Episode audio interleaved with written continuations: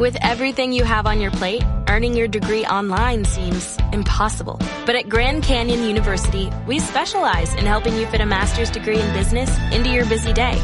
Your graduation team, led by your own GCU counselor, provides you with the personal support you need to succeed. Achieve your goals with a plan and team behind you. Find your purpose at Grand Canyon University.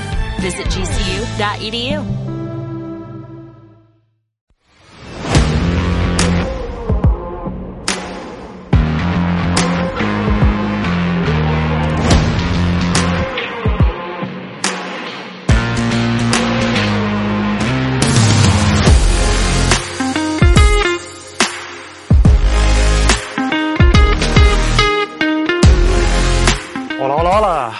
hi som, a l'episodi 11 del podcast de Leo.cat. Què tal, Pep, Ferran, com esteu? Hola, què molt tal? Bé, molt bé. Sí, sí.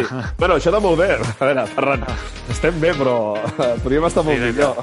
El molt bé no es pot dir, Ferran. Estem. Bueno, ara, ara tornarà el fred, tornarà el fred i deixarem aquesta primavera avançada. Hosti, sí que feia caldo eh, aquests dies, déu nhi eh? Tant. Jo no vull pensar malament, eh, però que se'ns espatlli el- a l'hivern, però, però bé, bé. Diuen que al cap de setmana baixen. A veure què ens explica l'Àlex d'aquí una estona.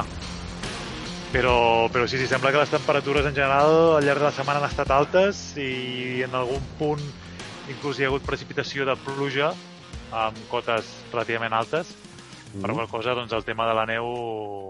Bueno, és, són, són d'aquelles setmanes que no, no se'ns fan tan dures, no? Sí, exacte. S'agraeixen de tant en tant, eh? Perquè si no... hòstia. Però, bueno, no, que diuen que ara ha noves... Avui, avui hem estrenat noves millores en la, en la mobilitat, sembla ser, no? Sí, a partir de dilluns. Dilluns dia 7 comencen a... Comarcal, no? Sí, sí, sí. Sí, sí, que... que... Però, Podeu sí anar a que- esquiar a la vostra comarca? La, la comarca Ah. és Catalunya, no? o, com, o com va això? El Vallès el tenim cru. Però, home, jo, jo, jo saps què penso? Sincerament, eh? Penso en les zones que estan eh, eh, confinades, diguéssim, a la Vall d'Aran o, o la Cerdanya, que tenen estacions, no? O el Pallars, ostres, o el Solsonès, no? Que fins ara només podia ser el- aquell poble del costat, no?, que podia anar a esquiar, el poble de l'estació, i ara, home, vulguis o no, doncs, si poden anar a la comarca, ja sabem que no serà mai massa cosa, però, ostres, tot ajuda, Sí, no? la gent de Solsona podrà anar al Port del Comte. Per exemple, per exemple. Home, millor, millor això que, que el que hi havia fins ara.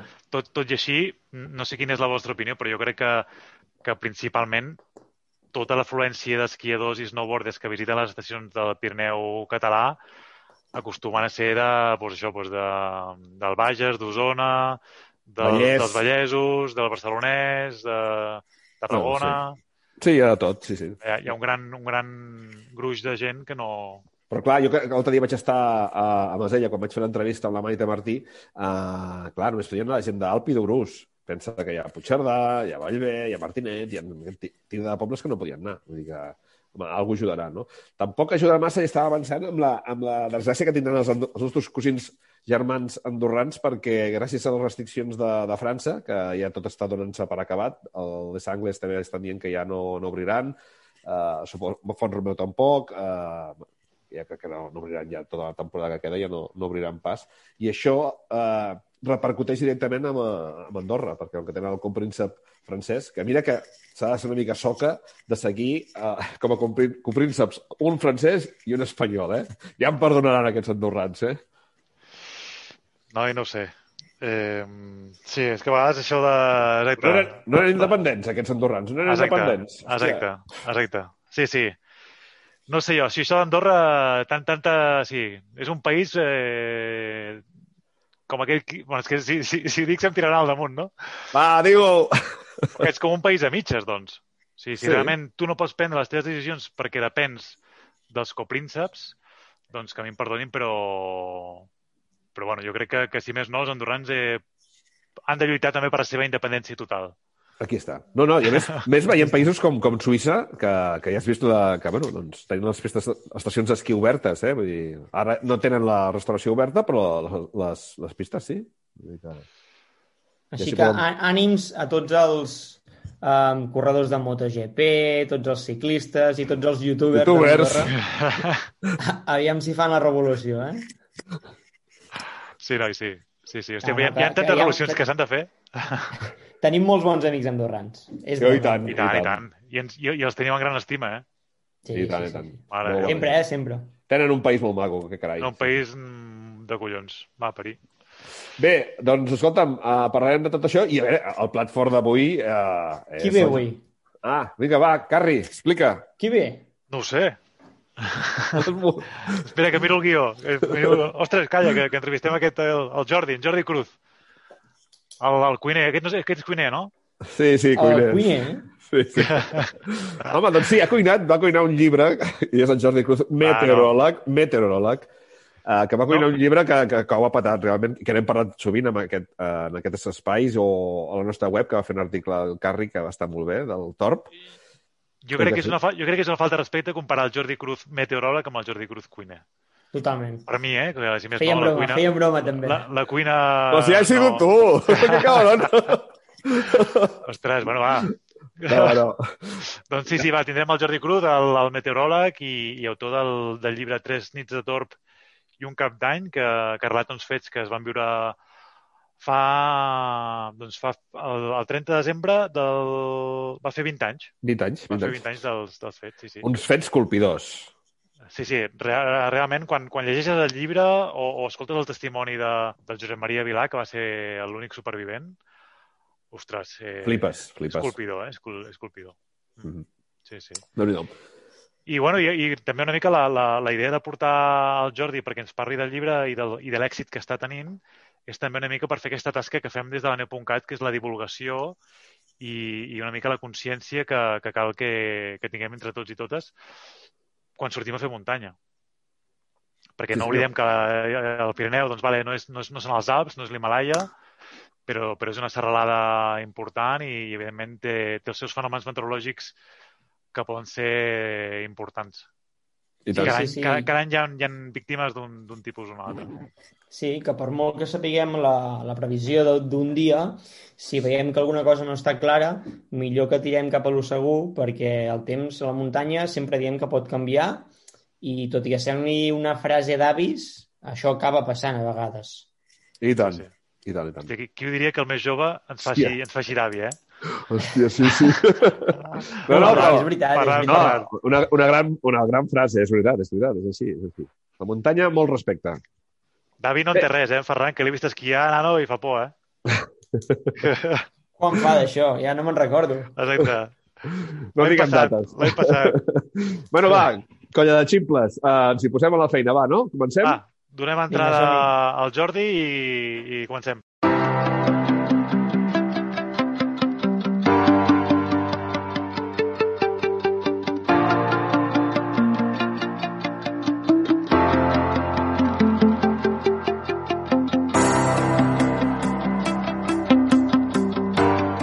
El dissabte 30 de desembre de l'any 2000, dos grups d'excursionistes es disposaven a fer el Balandrau, un cim situat al Ripollès amb una alçada de 2.585 metres que se situa entre Setcases i Caralps. De fet, si us agrada l'esquí de muntanya o l'excursionisme, és molt probable que l'hagueu fet o ho tingueu com un repte pendent. Malauradament, aquell 30 de desembre es recordarà sempre com un dels episodis més tràgics viscuts del Pirineu català. Com a conseqüència del torb, eh, aquest vent eh, famós en, aquell, en aquella zona de, de, de la zona de Ripollès, eh, el grup de, del grup de 8 persones que, que estaven a la muntanya aquell dia, només hi va haver un supervivent, en Josep Maria Vilà. Avui tenim, tenim amb nosaltres en Jordi Cruz, meteoròleg i autor del llibre Tres nits de torb i un cap d'any, crònica d'una tragèdia al Pirineu, de Símbol Editors. Un relat que descriu amb detall aquells fets. Què tal, Jordi? Com estàs? Hola, què tal? Molt bé, gràcies. Um, com, com, vas, com vas trobar aquesta història? Com, com et va arribar a tu aquesta història? I per què vas decidir escriure un llibre com el, com el que has fet? Doncs mira, ho, ho explico al llibre, però vaja, quan van passar els fets, jo treballava a Antena 3 a Madrid i la veritat és que no, no me'n recordo, suposo que vaig, vaig veure la notícia, però no, no, no, no m'hi vaig interessar més. I després, al cap dels anys, segurament hauria ser el 2016, um, em van demanar una, una presentació en un curs de meteo de muntanya a l'agrupació excursionista de Granollers i llavors, doncs, jo, a part d'explicar coses de, de la meteo, doncs, eh, vaig buscar un episodi en què poder doncs, explicar-li a la gent ei, compte que al Pirineu doncs, el temps es pot eh, complicar molt i hi ha episodis de temps molt sever. Vaig trobar aquest episodi, em vaig interessar eh, en ell i, de fet, vaig veure que darrere d'aquest episodi de meteorologia excepcional també hi havia una història humana molt dura al darrere. Vaig començar a investigar i al final vaig, vaig trobar doncs, que, a part d'aquelles vuit persones allà al Balandrau, hi havia altres persones arreu del Pirineu que es van trobar en aquest eh, episodi de, de Meteo tan bèstia. Vaig començar doncs, a recopilar aquelles històries una miqueta per explicar-les a casa, però vaig veure que en realitat allà hi havia un llibre i que l'havia d'explicar. Jo era que potser la història, eh, doncs, gairebé 20 anys més tard de, de, de que succeís, em va escollir a mi doncs, perquè, perquè l'expliqués. Vaig començar a investigar, a parlar amb els supervivents, també amb els bombers que van participar en el rescat. Va sortir un llibre i bé, i ja anem per la, gairebé per la sisena edició, ja sortirà la sisena edició en català i, i ara fa, fa poquet doncs, eh, també, també en castellà. Això és el que anava a dir, perquè ara realment això és un best-seller, aquest, dintre de la, de la temàtica i tot plegat, eh, no està molt content i a més que... Quina estàs, estàs dient la sisena edició ja? Sí, eh, com que ara en parlarem, oi? Doncs s'està preparant una pel·lícula documental sobre, sobre aquest tema, doncs eh, Singular Editors ha decidit doncs, treure la sisena edició.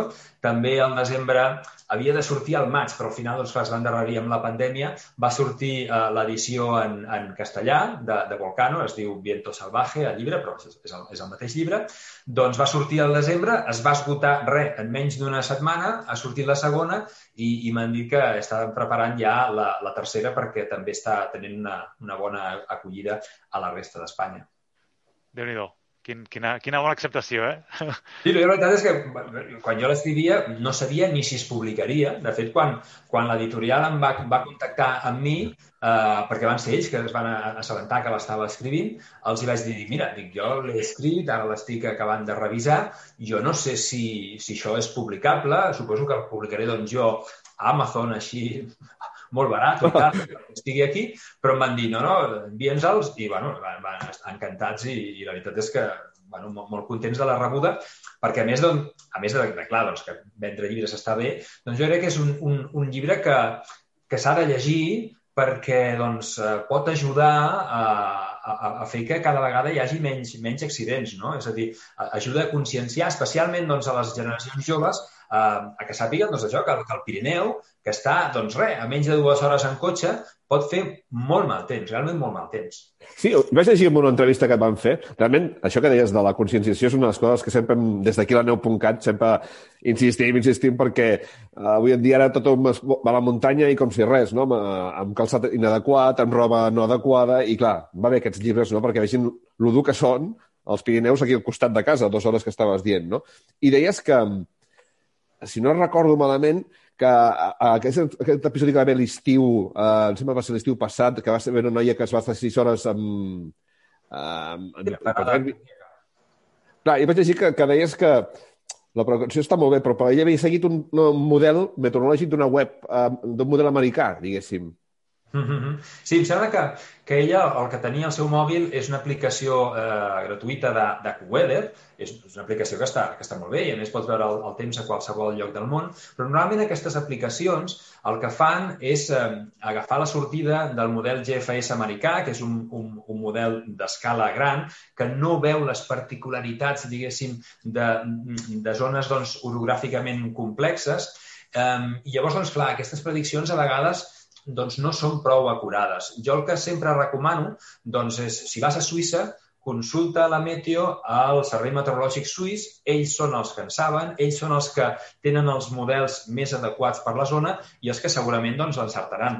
En, en aquest eh, episodi en, en què efectivament doncs, aquesta noia se li va a, a, a aturar el, el cor, va estar parada, em sembla que un quart d'hora, però van arribar en seguida els bombers i al final doncs, li van poder salvar la vida gairebé miraculosament doncs eh, ara se m'ha anat al cap eh, el que us estava explicant, però... L'aplicació, l'aplicació. Sí, sí. Exacte, aquesta, aquesta noia, aquesta aplicació doncs, no pronosticava neu. En canvi, el Servei Meteorològic de, de Catalunya havia fet un avís perquè el vent eh, havia de bufar amb ratxes de més de 90 km per hora, la temperatura havia de baixar i havia de nevar. I, efectivament, això és el que va passar. Va començar plovent, va acabar nevant i al final va entrar el vent. Eh, no anaven prou equipats, diguéssim, amb la roba perquè a més em sembla que era el novembre, principis de novembre, i, i efectivament doncs, amb una hipotèrmia doncs, al final doncs, gairebé els hi costa la vida. I si, I si no recordo malament, crec que, crec que el guarda del refugi d'Ull de Ter els va recomanar que no, que no marxessin. Crec... No sé si va ser aquest... No sé si era aquesta història o era un altre, un altre episodi. A, amb el Niu, amb el Niu també, eh, em sembla que va ser l'any 2018, eh, doncs va passar un, bueno, un altre episodi en què doncs, una parella va pujar al Puig Pedrós, sembla que es diu, sí? Sí, Puig Pedrós, sí. sí a, a dalt un, un, un canvi de temps i van passar dos o tres dies al ras fins que al final doncs, els, van poder, els van poder rescatar. Em sembla que van aparèixer a, a França, ho van passar molt malament, però, però van sobreviure. No? Però sí, sí, és que al, al final, diguéssim, el, el, el temps doncs, ja, ja us deia, doncs, pot ser molt, molt dolent. De fet, el, el Balandrau, tot i tenir només 2.585 metres d'altitud, és una zona molt ventada i normalment cada any hi ha algun dia en què la sensació tèrmica, la combinació de temperatures de 15 o 20 graus sota zero amb vent de 100 km per hora fa que la sensació tèrmica almenys un o dos dies a l'any eh, baixi fins als 40 graus sota zero. És a dir, al Balandrau wow. hi ha cada any en què pot fer més fred que el fred que fa a dalt de l'Everest eh, a mitjans de maig amb bon temps, eh? que és quan s'hi puja. Eh, per... Compte. És a dir, Això, per, per, per molt preparat que estiguis... Habitualment és més agradable, però hi ha dies en què pot fer molt mal temps. Eh? Ostres, i això, mirant tot amb el Pirineu, dius que és el Balandrau, però hi ha alguna zona més també del Pirineu o només tot es concentra en l'oriental, que és on està molt més ventat a vegades? Bueno, clar, és a dir, el, el, el vent el que fa és augmentar la sensació de fred. Però, clar, a, a, aquest any, per exemple, doncs, a, a, hi ha hagut dies en què el Pirineu Occidental a 2.500 metres d'alçada, la temperatura ha baixat gairebé fins als 20 graus sota zero. Mm. Si això li afegeixes vent, doncs ja està, ja tens els 30 graus sota zero. És a dir, eh, a tot el Pirineu hi ha, hi ha, hi ha, hi ha dies en què, en què doncs, el temps pot ser, pot ser realment molt dolent. I clar, si tu doncs, no has mirat bé la predicció del temps, doncs pot passar el que va passar, per exemple, també al mes de setembre d'aquest any 2020, que una parella de, de, de metges, em sembla que metges, de Girona, sí. doncs també els va enganxar un canvi de temps. A més, feia dies que estaven a la muntanya, no havien pogut consultar doncs, eh, bé la predicció del temps i al final van morir al mes de setembre. Al mes de setembre, eh? en temperatures no, no gaire baixes, però si no vas prou preparat, doncs pots tenir aquest... Aquest era el cas, em sembla, Carri, era el cas que tu comentaves que el guarda de, de, del refugi va dir que no sortissin, no, em sembla, eh? No ho sé, perquè crec que en aquella època els, els refugis estaven tancats, els de carros de foc, si no recordo malament. Però, sí, però bueno, no sé. Sí, sí, si no, segurament haguessin tingut la predicció del temps. És a dir, sí, sí. La, les prediccions del Servei Meteorològic de Catalunya, els refugis els, el, la, la tenen i, per tant, doncs, encara que tu doncs, no faci dies que no tinguis la predicció o no tinguis cobertura de mòbil, doncs allà la pots consultar. Però el que passa és que, clar, hi ha èpoques de l'any en què estan tancats i, i si doncs, passa això al setembre, que dius, ah, al setembre encara és estiu, fa bon temps, però hi ha un canvi sí. de temps, doncs poden passar aquestes coses. Sí. sí. En aquest cas, si, si no recordo malament, hi, bueno, hi havia, un, hi havia una, un avís important de, de fred i temporal important. Mm -hmm. El que passa que crec que no, bueno, no anàvem prou preparats. Segons sí. tinc entès, i amb gent que ha parlat de mm-hmm. d'aquella mm -hmm. zona, eh, es veu que no, no portaven la, la roba adequada. Escolta, Jordi, una mica, tornant al, als fets d'aquell any 2000, quan tu comences, eh, amb això que has dit, no? bueno, va arribar aquesta història, comences una mica a parlar amb diferents eh, testimonis, amb bombers, però, clar, aquí hi ha un, hi ha un protagonista especialment eh, captivador, no? que és el de la supervivent, el Josep Maria. Uh -huh. Quan contactes amb ell per primera vegada i li, i li dius que tens aquesta intenció d'escriure un llibre, quina, quina és la reacció de, d'aquesta persona? Clar, Maria, uh, primer va ser una miqueta cau, no? És a dir, clar, saps què passa? Que a ell hi ha, hi ha hagut mitjans de comunicació que han intentat eh, parlar amb ell, perquè, clar, ella ja en aquell episodi va, va perdre la seva parella, estava a punt de casar-se i, i la Mònica, la seva xicota, va morir en els seus braços. Llavors, doncs, hi ha hagut mitjans que han volgut una miqueta doncs, explotar això, no? És a dir, aquest dramatisme. Llavors, clar, ell en principi, doncs, mm, clar, va dir, ostres, què és el que estàs fent? Però quan jo li, li vaig explicar que, que era meteoròleg, que no era periodista i que el que estava fent doncs, és eh, doncs això, intentar explicar doncs, què és el que havia passat exactament, doncs ell va accedir a, a parlar amb mi, em va explicar tot el que, tot el que va passar o, o tot el que ell eh, ha explicat. Potser hi ha algunes coses més íntimes que se les ha quedat per ell, però vaja, va explicar tot l'episodi i, i, bueno, i és el que realment doncs, em faltava per poder escriure el llibre, perquè la meitat del llibre pràcticament doncs, és la seva història, no? la història d'un supervivent. Ell va passar doncs, tres dies eh, i dues nits doncs, eh, allà dalt absolutament perdut i, de fet, eh, doncs, l'últim dia ell pràcticament ja, ja, ja esperava la mort eh, però el que va arribar doncs, va ser un, un helicòpter dels Granell. déu nhi Sí, sí, no, la història, la història, la veritat és la història que... de Josep Maria és, és dura i hi ha altres històries. El llibre segueix la història d'altres grups, eh, també a Portainer, eh, un altre grup, una altra parella eh, que, que va morir al, al coll de la Coma de l'Orri. Mm, els bombers van poder pujar a buscar-los, el que passa és, clar, no sabien exactament el, el lloc on eren i en aquella nit, amb aquells 30 graus de temperatura de, de, de, de sensació i amb aquell torb que va fer que la visibilitat en alguns moments fos zero, és a dir, no es veia absolutament res, doncs malgrat que els bombers van passar doncs, potser a 30 o 40 metres d'on era aquella parella, doncs no es van poder trobar. No es van poder trobar perquè perquè era plena nit, amb els frontals doncs, potser veien quan la visibilitat eh, doncs, eh, era, era més alta, doncs potser arribava als 10 metres i si realment si no passaves ben bé per on, per on estava aquella gent que s'havia perdut, doncs era impossible trobar-los, perquè a més en, en aquell, aquella nit el vent va arribar a bufar a gairebé 140 km per hora. Uh, uh, ja us dic, eh? van ser 12 hores d'un torn molt intens, d'una visibilitat baixíssima. En alguns moments els supervivents em van explicar que, que no es veien les botes, unes botes de color groc mm, fosforescent no se les veien degut a tota aquella eh, neu que aixecava el vent i que reduïa la visibilitat. I doncs malauradament els bombers, que jo no m'explico encara com van poder passar pel gra de Fajol eh, i pel coll de la Coma de l'Orri sense que se'ls endonés el vent, doncs van poder passar per allà, eh, però no els van, no els van trobar. I l'endemà, doncs, ja quan van, posar, quan va poder pujar a l'helicòpter, perquè l'endemà el temps doncs, era molt bo, doncs ja, ja van trobar els cadàvers. Perquè, escolta, Jordi, a vegades, mmm, quan surten aquestes notícies en, el, en els mitjans, la gent diu, ostres, no sé què, és que com pot ser que passin aquestes coses, tal, que ja hi ha avisos, tal, però pel que sembla i una mica per lo que expliques en el llibre, Mm -hmm. aquest, aquest grup d'excursionistes de, que feien esquí de muntanya van començar amb un dia en ple sol, inclús eh, amb màniga curta. Sí, sí, mira, do, dos dies abans de, de l'episodi, la predicció ja va anunciar una entrada de, de vent, una baixada de temperatures, però semblava encara que el temps, doncs, més o menys seria bo. El dia abans ja es va veure que la cosa es complicava, és a dir, semblava que podia nevar una miqueta, sobretot cap a la Vall Aran, que és el típic en aquestes entrades de vent de nord, que faria vent, però la predicció parlava de vent fort, no pas de vent de 140 km per hora.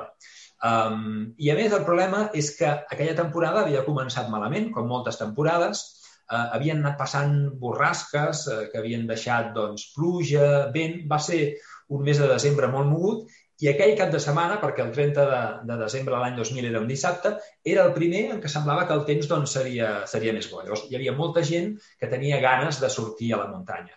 I tot i que s'esperava un canvi de temps, bé, en aquella època eh, els meteoròlegs no l'encertàvem tant com ara, i espero que d'aquí 20 anys encara l'encertem més. És a dir, a vegades ens equivocàvem. Um, I molta gent va dir, bueno, anem a la muntanya, a veure si s'equivoquen, i doncs el temps és més bo i la mala sort va ser que al matí feia bon temps. És a dir, a la zona de, de, de, de Vallter mm, no és que fes sol, però gairebé hi havia alguns núvols alts, d'aquells molt prims que deixen passar el sol.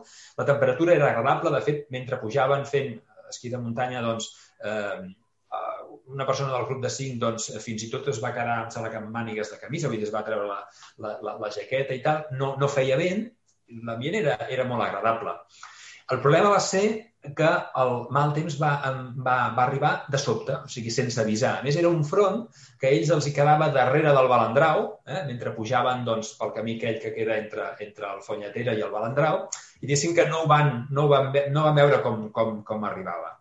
I va haver, va arribar un moment en què van decidir doncs, girar cua perquè la neu estava molt glaçada i ja els hi costava pujar. Van dir, vinga, ja en tenim prou, eh, tornem cap, a, cap al cotxe, anem a dinar i, i ja està. Però just quan van girar i començaven a baixar, va entrar el vent, primer un cop, al cap de 10 segons un altre, i després ja no va parar. És a dir, el vent ja no va parar de bufar durant més de 12 hores amb cops de, de, de més de 100 km per hora i com que una setmana, 10 dies abans hi havia hagut una llevantada que va deixar pluja a tota Catalunya, però sobretot a Barcelona i Girona, i el Pirineu va deixar neu, però especialment a, a la zona de Vallter, va acumular més d'un metre i mig de neu, doncs quan va entrar aquell vent molt de cop, doncs el que va fer doncs, és que va començar a volar tota aquella, aquella neu i bueno, doncs, un torb que va durar 12 hores. Bé, llavors... En perspectiva, perdona, Carri, però en perspectiva eh, vam, dir, vam veure que aquell dia a 140 km per hora, déu nhi no? Però que no és un cas aïllat, que es pot tornar a repetir que es repeteix. Sí, sí, sí, eh, és a dir, és, és, és recurrent, és a dir, episodis com aquests, eh, no sé, potser cada any n'hi ha un o dos. Amb tant de torb, potser no, perquè, clar, va coincidir que, que hi havia hagut aquella, aquella llevantada, no? El problema és, és que en aquella època els models meteorològics eren, diguéssim, no eren tan bons com ara. És a dir, abans, eh, fa 20 anys, els models meteorològics tenien un pas de malla de 15 quilòmetres. Això vol dir que cada 15 quilòmetres hi ha un punt al Pirineu. Eh, en aquella època, la vall de la, la, la Cerdanya doncs, desapareixia, és a dir, no la veia. Ara, en canvi, els models doncs, tenen 3 quilòmetres de pas de malla, fins i tot n'hi ha alguns d'un quilòmetre.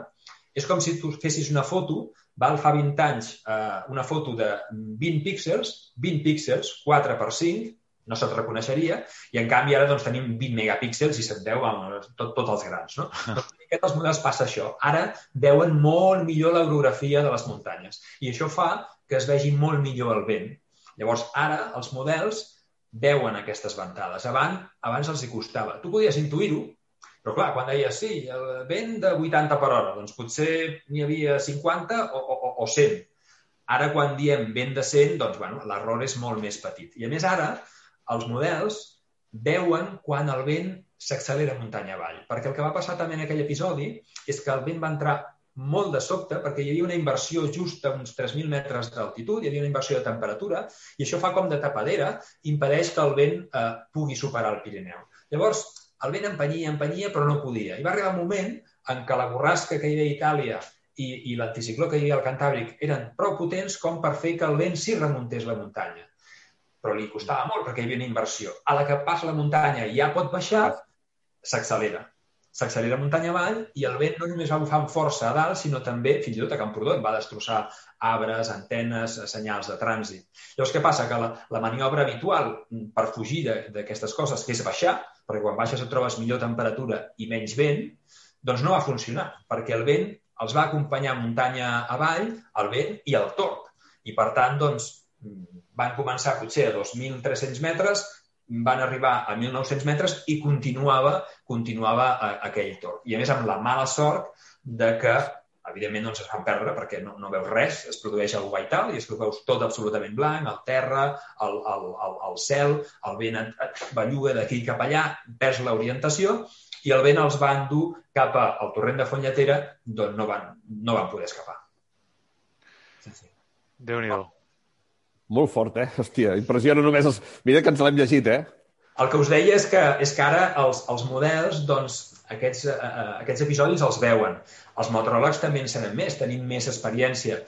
Ara, per exemple, doncs, a, la, a la pàgina web de, del Servei Meteorològic de Catalunya, meteo.cat, si entreu a l'apartat de eh, predicció Pirineu, doncs allà es pot seleccionar qualsevol dels pics o estacions d'esquí de, de, de, de, del Pirineu i, i a 1.500, a 2.000, 2.500, 3.000 metres d'altitud doncs hi ha la predicció de temperatura i de vent i allà pots veure doncs, si el vent només bufarà dalt o si bufarà també muntanya baix i, i amb quina intensitat. Llavors, hi ha, hi ha dies en què es veu que la predicció a 1.500 metres és de vent de 90 per hora. Hòstia, això és que farà molt vent i també muntanya avall. I a més hi ha un apartat eh, manual on els, els, els predictors ens podem ficar. Hi haurà el fenomen del torn. Llavors, ara, diguéssim que està més ben pronosticat. Ens, ens podem equivocar? Sí, algunes vegades ens, ens equivoquem, però potser no tant com perquè se'ns passi un d'aquests episodis.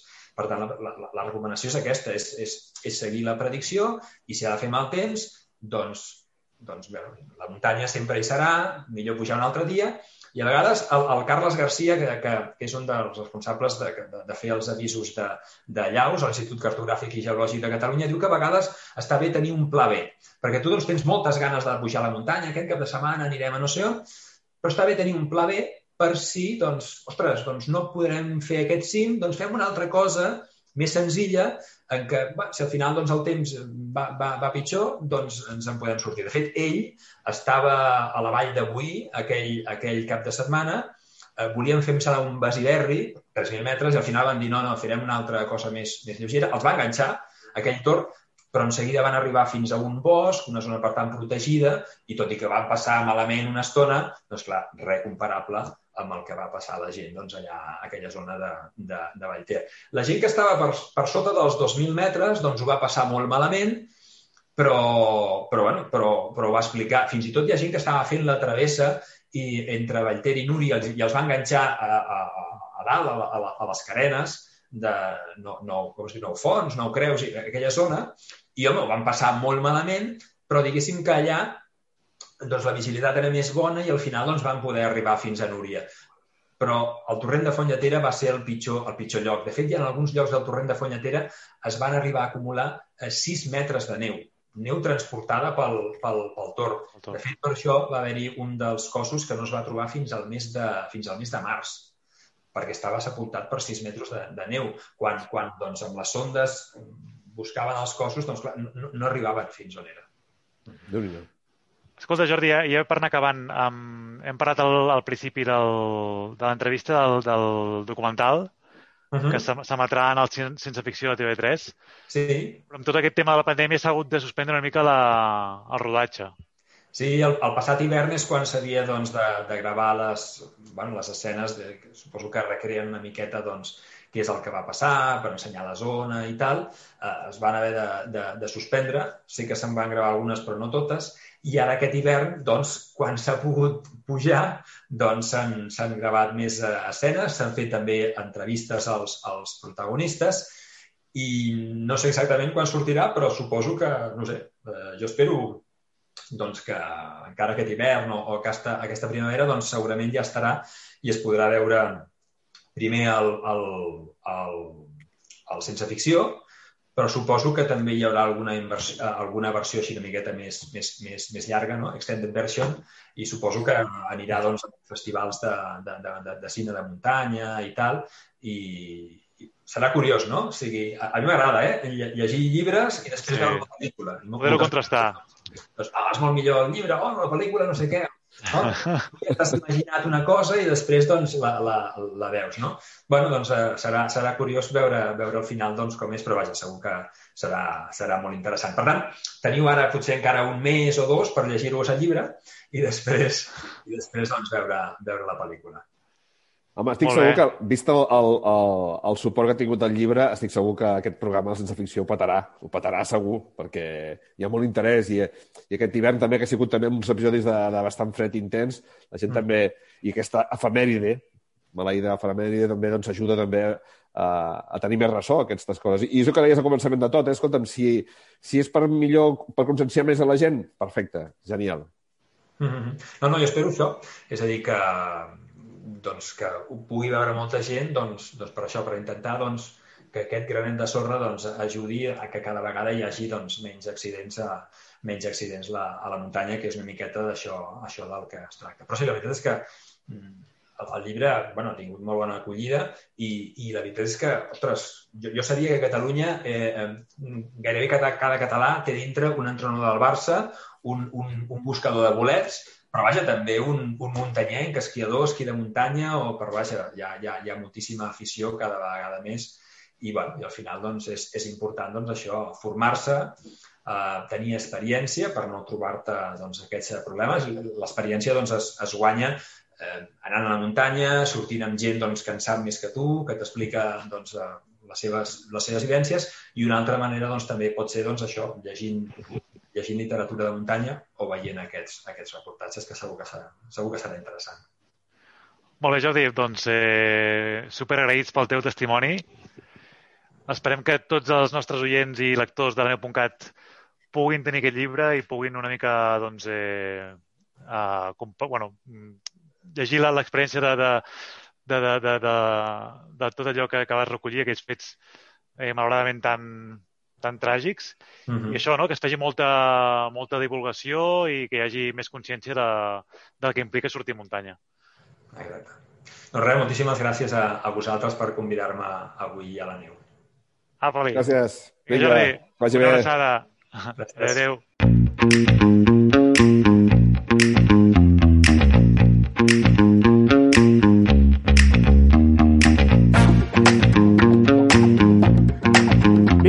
Sant Tornem-hi. Uh, arriba la secció de la Meteo, arriba la secció de l'Àlex Wanderland, el nostre crac de capçalera. No el metge de capçalera. Bueno, també pot ser metge de capçalera, jo què sé, però, però és el, el nostre crac Meteo de, de capçalera, que bé, uh, va encertar-la un cop més la setmana passada i aquesta setmana no sé si val la pena que encerti o no encerti, perquè... Hola, Àlex, què tal? Com estàs? Bona tarda. Bé, bé, bé, molt bé.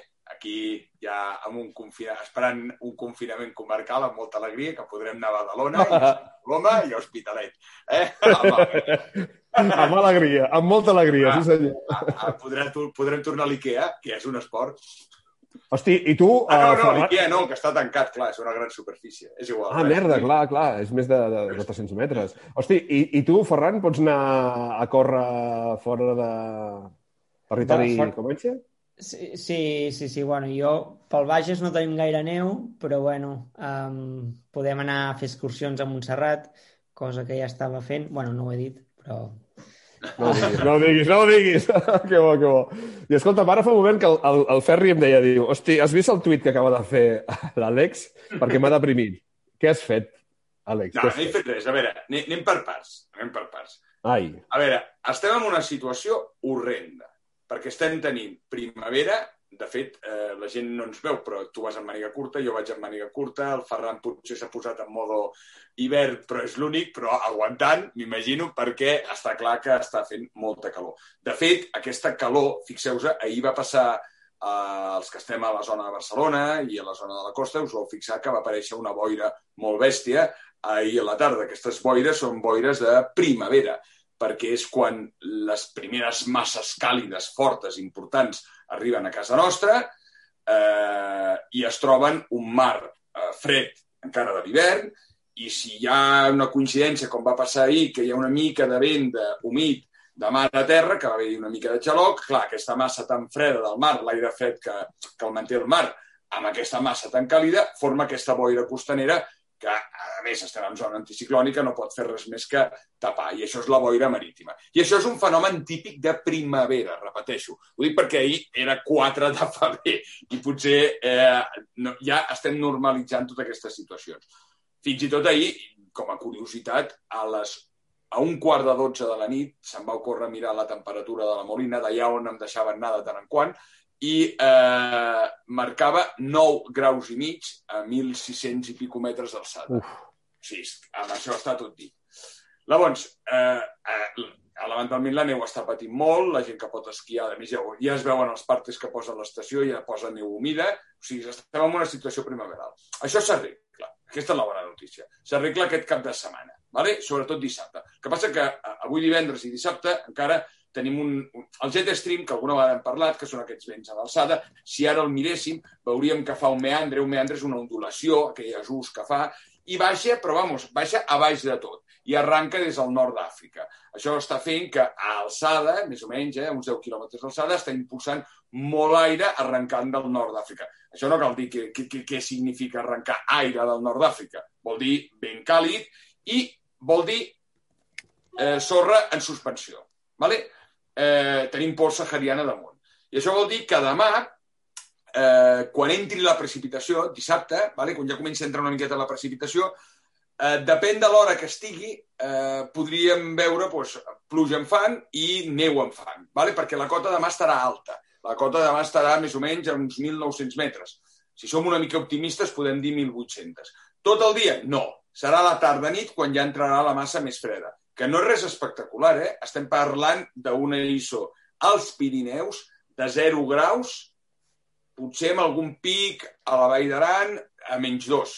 Però, bueno, normalitzarà les temperatures i a partir de diumenge a la matinada és quan es produiran més nevades i diumenge al matí la cota ja es normalitzarà, cap despilfarro, passarem a uns 1.000...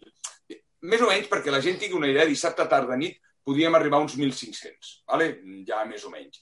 I a partir de la matinada aniria baixant, a primeres hores de la, del matí jo calculo que estarà a uns 1.200, 1.000 metres, i al llarg de la tarda sí que podria baixar fins i tot per sota dels 900 metres. Val? Llavors, aquesta situació ja entraria una massa freda. Em podíeu preguntar, molts centímetres? No. La, mm, on més nevarà de nou és el Pirineu Aragonès, en diferència. Vale? Ja poden tindre gruixos eh, considerables.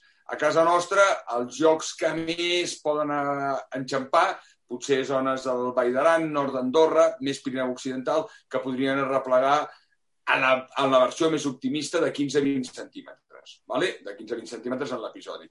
I en el Pirineu més oriental estàvem més contents perquè fa uns dies ens posaven més, ara s'ha restat més, que també està bastant pelat, i jo, doncs, com Molina o, o aquestes zones, posaria entre 5 i 10 centímetres, versió optimista. Vale?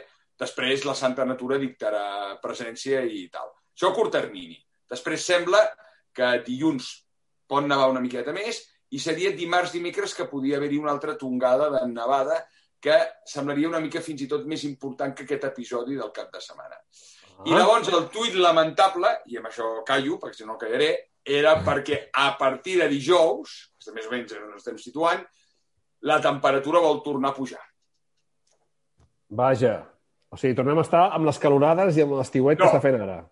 De moment, si miréssim el meteograma, que el meteograma és aquest gràfic que, que, que he penjat, que és un gràfic més o menys que el que ens mostra són... Eh, a veure, els meteogrames el que mostren és un model té diverses sortides, d'acord? Això ho hem explicat alguna vegada, però ho tornem a repetir, no passa res. I aquestes sortides, eh, normalment la que nosaltres veiem, la que sempre nosaltres ens fixem, eh, la veiem als mapes, és el que anomenem nosaltres la sortida determinista, que és la sortida amb més probabilitat. Però compte, el problema d'això és que mai sabem de quina probabilitat ens parla. Mai ens diu el model que la sortida determinista té és un exemple, eh? un 10% de probabilitat de que passi. Clar, si ens estan donant això, encara que sigui la que més probabilitat té, ja. la probabilitat és baixa. Com que no ho sabem, què fan els models? Els models eh, treuen diverses sortides a la vegada, en paral·lel a la sortida que és el que nosaltres anomenem els ensembles, que segurament ho heu escoltat més d'una vegada. Sí, vale? sí, sí. Depenent del model té més o menys ensembles. Aquests ensembles el que fan és variar una mica les condicions meteorològiques. Uns posen una mica més de temperatura, uns altres menys, un altre un, vent, un vent més d'aquí, més d'allà. Fan variar una mica i aquests 30 ensembles configuren el que diem una mitjana, ¿vale? que és la clàssica línia blanca que veiem. I la, contra, la contrarrestem sempre amb una línia vermella, que és la mitjana climàtica, que diem, que és la mitjana dels 30 últims anys. Clar, quan aquesta línia blanca està per sobre de la vermella, significa que la mitjana dels ensembles ens estan indicant que estaria la temperatura superior a la que tocaria per l'època. També s'ha de dir que a mesura que avancem, eh, la meteoficció, que a mi em coneix tanta gent per la meteoficció, avancem més, en, més enllà de les 120, 150 hores, si ens fixem en aquests diagrames veurem que aquests ensembles es separen. És a dir, quan el traç està junt, com si fos un sol traç, significa que més o menys tots van a la part, que tots estan veient el mateix. Vale? Si ara el miréssim, el gràfic, veuríem que la previsió d'avui i de demà tots van molt junts, amb petites diferències. A mesura que ens allunyem, es dispersa. Però clar, llavors aquí a mi el que m'agrada fixar més a on es dispersa. Si es dispersa per sota la línia vermella, és bona senyal, perquè significa que la dispersió és en fred però si la dispersió està més per sobre, tal. Si ara ho miréssim, veuríem que no és el d'ara, no, no seria el que hem patit aquesta setmana ni l'anterior, però sí que les temperatures tendirien a pujar. Per tant, bueno, mm, ens estaria indicant que estaríem amb temperatures per sobre la mitjana mm, i no, no agrada, no agrada. Però no exagerades, diguéssim, pel que ens dius. No, tant... no. Ara, per exemple, si miréssim ens estaria donant, per exemple, un pic que ens diria, eh, per exemple, a la vertical de Barcelona, que jo sempre ho miro, doncs ens diria que avui, amb uns 1.500 metres tocarien uns 4 graus i ens posaria, per exemple, eh, uns 7 graus. Vale? Per tant, estaríem parlant d'uns 3 graus Res. per sobre la mitjana. Perquè tinguis una idea, avui, divendres, eh, però ho dic sí. per la gent que, que ens escolta un diumenge, vale? avui divendres, la temperatura mitjana seria 4 graus i ara, a 850, en tenim 12. Clar, collons. clar, o sigui, mireu el diferencial. De 4 a 12 ja és el que diem en meteorologia una anomalia de 8 graus. Perquè diem, quina és la mitjana climàtica? 4 graus. O sigui, això és el que to tocaria per un febrer a Barcelona. Què tenim ara en la realitat? 12 graus. Quina és la diferència si restem a 12 a 4 a 8? Més, més Llavors 8. diem que tenim una anomalia de 8 graus en positiu. Vale? Va. Que és una barbaritat. No cal que us una bestiesa. És una bestiesa. És una bestiesa. Vale. Escolta'm una cosa, però ara ja posant-se a posar aquella bola de, de, de, vidre, que per cert, avui que no tenim, ara ens podem una, permetre una llicència, avui que no tenim el Carri, que és el no futbolero, que ens ho vam passar l'altre dia, eh? Us veu clapant el partit o, o veu aguantar fins al final, el partit del Barça? Home, jo molt, jo molt, jo molt. De fet, eh, estava una mica a cins de Raúl, ja cabrejat, i bueno, quan va marcar el Griezmann em vaig animar una mica. A mi em va, I- salvar, em va salvar tu, perquè jo, estava, jo també, a la part final del partit, que estàvem perdent 2 a 0, doncs allò que dius, buf, ja saps allò, mig tribunero, no? Però anava mirant Twitter, i de fet anava mirant els teus tuits, Àlex, no allò tal, tal, i de cop i volta sento allò, gol de Griezmann, hòstia, què passa aquí? I després què? Hòstia, brutal, brutal, eh? Brutal, brutal. Jo feia dos anys que no, no sentia aquest picorcito. Ai, ai. Vam emoció. molt. Vam celebrar molt els gols a casa. Us afaitarà el Carri, eh? Els dos, No, eh? I no, perquè Bueno. ho escoltarà. Ho Però, però, escoltarà i però. ho sap. I lo sabes, eh? Bueno, bueno, ens, ens han permès Però- aquesta llicència. Es, esperem, jo espero, Àlex, que aquest febrer ens depari alguna sorpreseta a, A veure, en el mateix... febrer. A, a, això és el que volia jo. Dic, a veure, la bola, la bola de vidre, què et diu que Clar. acabarà? Perquè sí que En ara el, tenim que... tuit, en el mateix tuit que t'ha deprimit una mica, Ferran, si t'hi fixes, jo poso, tenim condicions. O sigui, a veure, ten, seguim tenint teleconnexions que ens indiquen possibilitat d'un vòrtex eh, mogut i remenat. Bueno, de fet, clar, no ho hem parlat, perquè nosaltres ens mirem el nostre malic, com és clar, però aquesta setmana hi haurà la bèstia de l'est traurà el nas, eh? i sobretot traurà el nas al nord d'Europa. Al nord d'Europa he vist, hòstia, alguns mapes de neu... Ah, Alemanya del nord cap amunt, tela, eh? eh i ISOs a, a 850 hectopascals de menys 12 a menys 16. Eh, Carai. estic Escolta'm, parlant- Àlex, qui és la bèstia? Qui és la bèstia? Com es diu? La bèstia, la bèstia de l'est és com jo anomeno, o molta gent anomena, una siberiana. La Siberiana. Eh, és el, la massa més freda. A, a, aquests dies, si ho veieu, els de TV3 estan eh, fent el corresponsal que tenen a, a Moscou, està Sí. fent Ho he vist, ho he vist. molt xulos de les zones més fredes de Sibèria. I avui El està plàtan, el plàtan. el, el plàtan, el plàtan és brutal. A Oyniyakon, que és el poble més fred, que va registrar la temperatura més freda de menys 71,6 en un lloc habitat. Vale? Uh, la puta. Menys 71,6. Vale? I ara em deia, i sortia avui en el reportatge que avui estaven, em sembla, que a 51 sota 0, vale? i aquest i havien estat a, a, a 60 sota 0. Doncs allà, diguéssim, tot aquest aire fred siberià, quan es reuneixen les condicions, aquest, el vent l'empeny, empeny aquesta massa, i nosaltres li anomenem la bèstia de l'est. És el fred més fort que podem tindre. pues, traurà una mica el nas, però es quedarà, lamentablement, per als winterlovers, que ens, els que ens agrada, en latituds bastant superiors, al nord d'Europa. Eh? Finlàndia, eh, Noruega, Suècia, tindran temperatures d'escàndol. Ja arribarà, ja arribarà algun dia. Bueno, a veure, és el que queda, eh? La gent, la gent ja llença l'hivern al novembre. Sigui, a veure, jo us ho dic perquè, clar, jo, vamos, és, el meu mur de Twitter moltes vegades l'anomeno eh, de lamentaciones. Per tant, a la que treus un mapa dolent és, vamos, no tenim hivern, s'ha acabat, és veritat. També di, diria que, bueno, eh, hem tingut un desembre molt maco, vale? amb temperatures molt maques. És cert que hem tingut un final de gener lamentable i un principi de febrer molt lamentable. Hem tingut Jo una espero- filomena. La Filomena, sí, sí. Abans, Ah. Després de la Filomena va, va, va, Res. va acabar. Estàvem molt animats perquè això va ser la primera quinzena de gener i, i ens la veiem gran i després pues, pues, va, la cosa va anar cada cop a pitjor. Però, bueno, eh, escolteu, la segona quinzena de febrer, eh, bueno, anem a veure, anem a veure. Anem a Ara veure, és a molt veure. agosarat.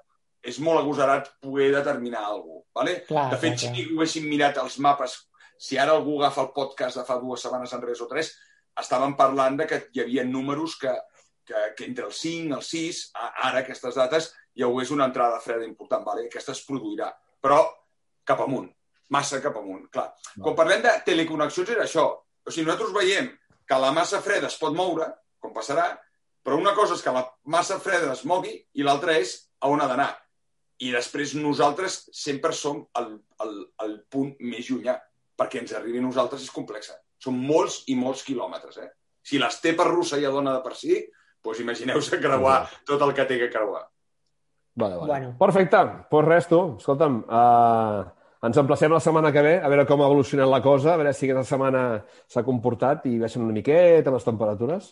Bueno, que està allí, que està allí, Pep, sobretot el que nosaltres anomenem la corrent atlàntica, que és, mentre eh, tinguem corrent atlàntica, vol dir que les, les depressions ens venen, que entren per Galícia, lo típic, de oest cap a est, nosaltres pringuem. Això és vent a casa nostra, normalment mestral i tramuntana, nevadeta al Pirineu Occidental, perquè no és ni una entrada de nord pura i dura, i aquí a Catalunya, res, eh, quatre núvols i para de comptar. I Correcte. això és el que s'ha de tallar.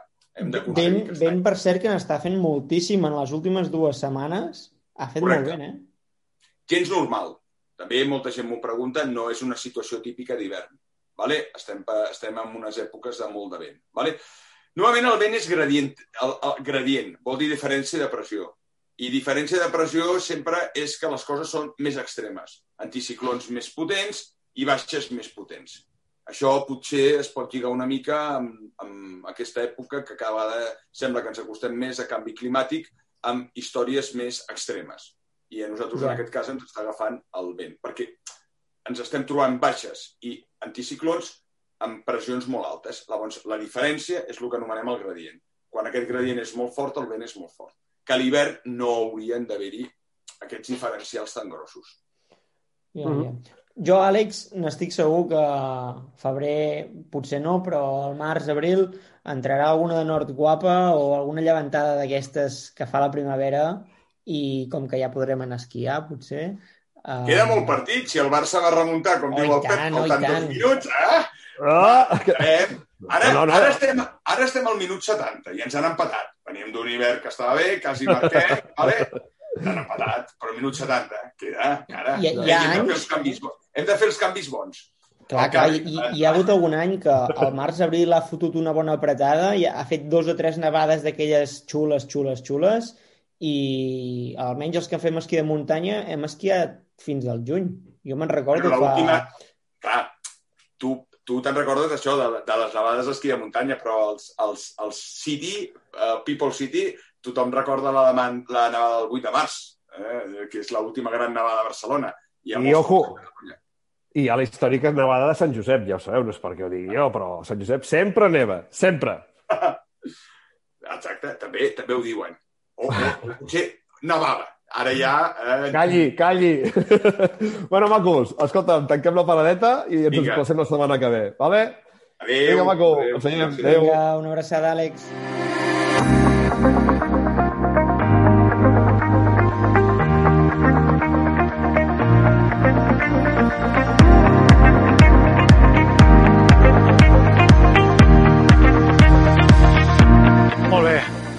Que ràpid que passa això del, del podcast. Ja estem a, a les acaballes del programa, el programa número 11.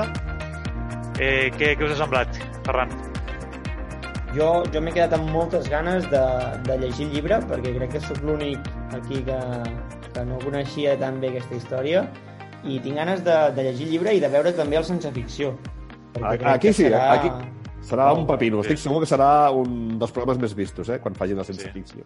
Home, i sempre, i sempre és veritat que, que la televisió, o bueno, el pel·lícula documental, sempre al final també tira molt. I arribes a Sí. més gent que amb un llibre. Sí, sol passar això, eh? Malauradament hi ha més cultura de, de caixa tonta que de, de Sí, llibre. que de llibre, sí, sí. Pa, per, parlant de, de pel·lícules, um, a la neu.cat vam fer un... Uh, Una a enquesta. Twitter, una enquesta. Um, Sí. Quina és la Eh? teva preferida, Carri? Encara està activa l'enquesta. Eh, ostres, què, què, què hi havia? Hi havia de- The Ordinary Skier, um, La list, la list del Jeremy Hates, The Art of Flight, The Art of Flight, que és la Red Bull de snowboard, Into the Mind. Into the Mind. Ostres. És Jo ho una, difícil, clar, eh? és una difícil elecció. Jo estaria entre dues. Entre Into the Mind, de Sherpa Cinema, perquè per mi realment és una una pel·li que, que, hòstia, mm, està molt ben rodada, la combinació amb la música és, és molt, molt, molt bona i surten unes escenes molt, molt xules. Però jo crec que em, quedaria, que em, que em quedo amb, amb The Ordinary Skier perquè, perquè narra, narra una mica qui és Seth Morrison, que per mi és... Clar, potser tu et queda ja una mica lluny, Ferran.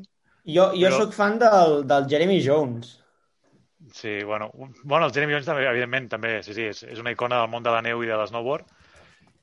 Eh, però crec que, que en el món de l'esquí, mmm, bueno, Seth Morrison és, és Déu totpoderós. Sí? I, i em, no hi queda, ha... em queda lluny, em queda lluny. Sí, sí. Jo vaig votar a la list. La List.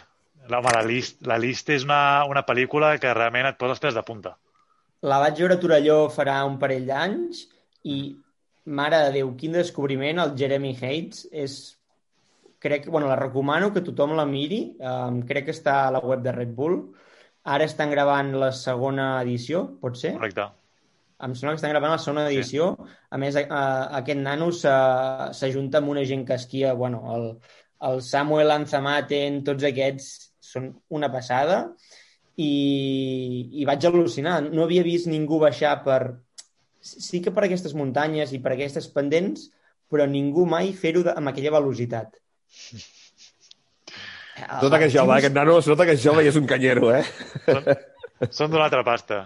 Pep, Pep, ja t'ho ensenyarem. El, el tio es posa a baixar unes pales, bueno, unes pales no, uns pics empinats increïbles i on uns quants baixarien amb problemes, ell tira recte i, i increïble. Té una forma d'esquiar diferent. Jo no ho he vist en ningú. Molt bé, perfecte. Doncs escolta'm, Canalleta, eh, episodi 11 enllestit, no? I tant. I res, recordar als, eh, als oients i les oients que si volen eh, recuperar algun dels, dels 11 episodis que ja tenim publicats, que ho poden fer a la neu.cat barra podcast o directament van a la neu.cat i en el menú poden accedir, poden accedir a aquest, tot aquest llistat d'episodis. De, I Perfecte. res més. Esperem que, res, la setmana que ve tindrem aquest confinament comarcal, que si més no, doncs, bueno, més, més persones podran beneficiar-se de, de l'esquí, si més no, si estan a, a la comarca a, escollida. no? Ripollès, Cerdanya... Vall d'Aran. Vall d'Aran, sí, uh, Pallars. Ribagorça, bueno, sí, sí, sí, home. Bueno, els del Berguedà poden anar a rasos de Peguera, encara que no sigui esquí alpí, a fer esquí de muntanya. També, també. Ah, doncs sí. també, també, evidentment. I tant. Sí, sí. Molt bé, doncs. uh, salut i neu. Salut i neu. Vinga, fins la propera. Fins la propera.